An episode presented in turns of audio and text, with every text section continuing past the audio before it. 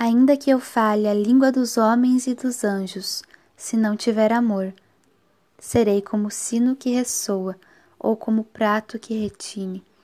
Ainda que eu tenha o dom da profecia e saiba todos os mistérios e todo o conhecimento, e tenha uma fé capaz de mover montanhas, se não tiver amor, nada serei.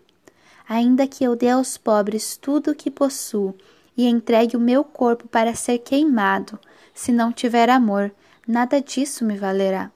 O amor é paciente, o amor é bondoso, não inveja, não se vangloria, não se orgulha, não maltrata, não procura seus interesses, não se ira facilmente, não guarda rancor.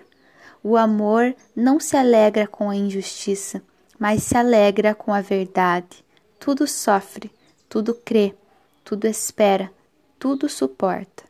O amor nunca perece, mas as profecias desaparecerão, as línguas cessarão, o conhecimento passará, pois em parte conhecemos e em parte profetizamos. Quando, porém, vier o que é perfeito, o que é imperfeito desaparecerá. Quando eu era menino, falava como menino, pensava como menino e raciocinava como menino. Quando me tornei homem, Deixei para trás as coisas de menino. Agora, pois, vemos apenas um reflexo obscuro, como um espelho. Mas então veremos face a face. Agora conheço em parte, então conhecerei plenamente, da mesma forma como sou plenamente conhecido.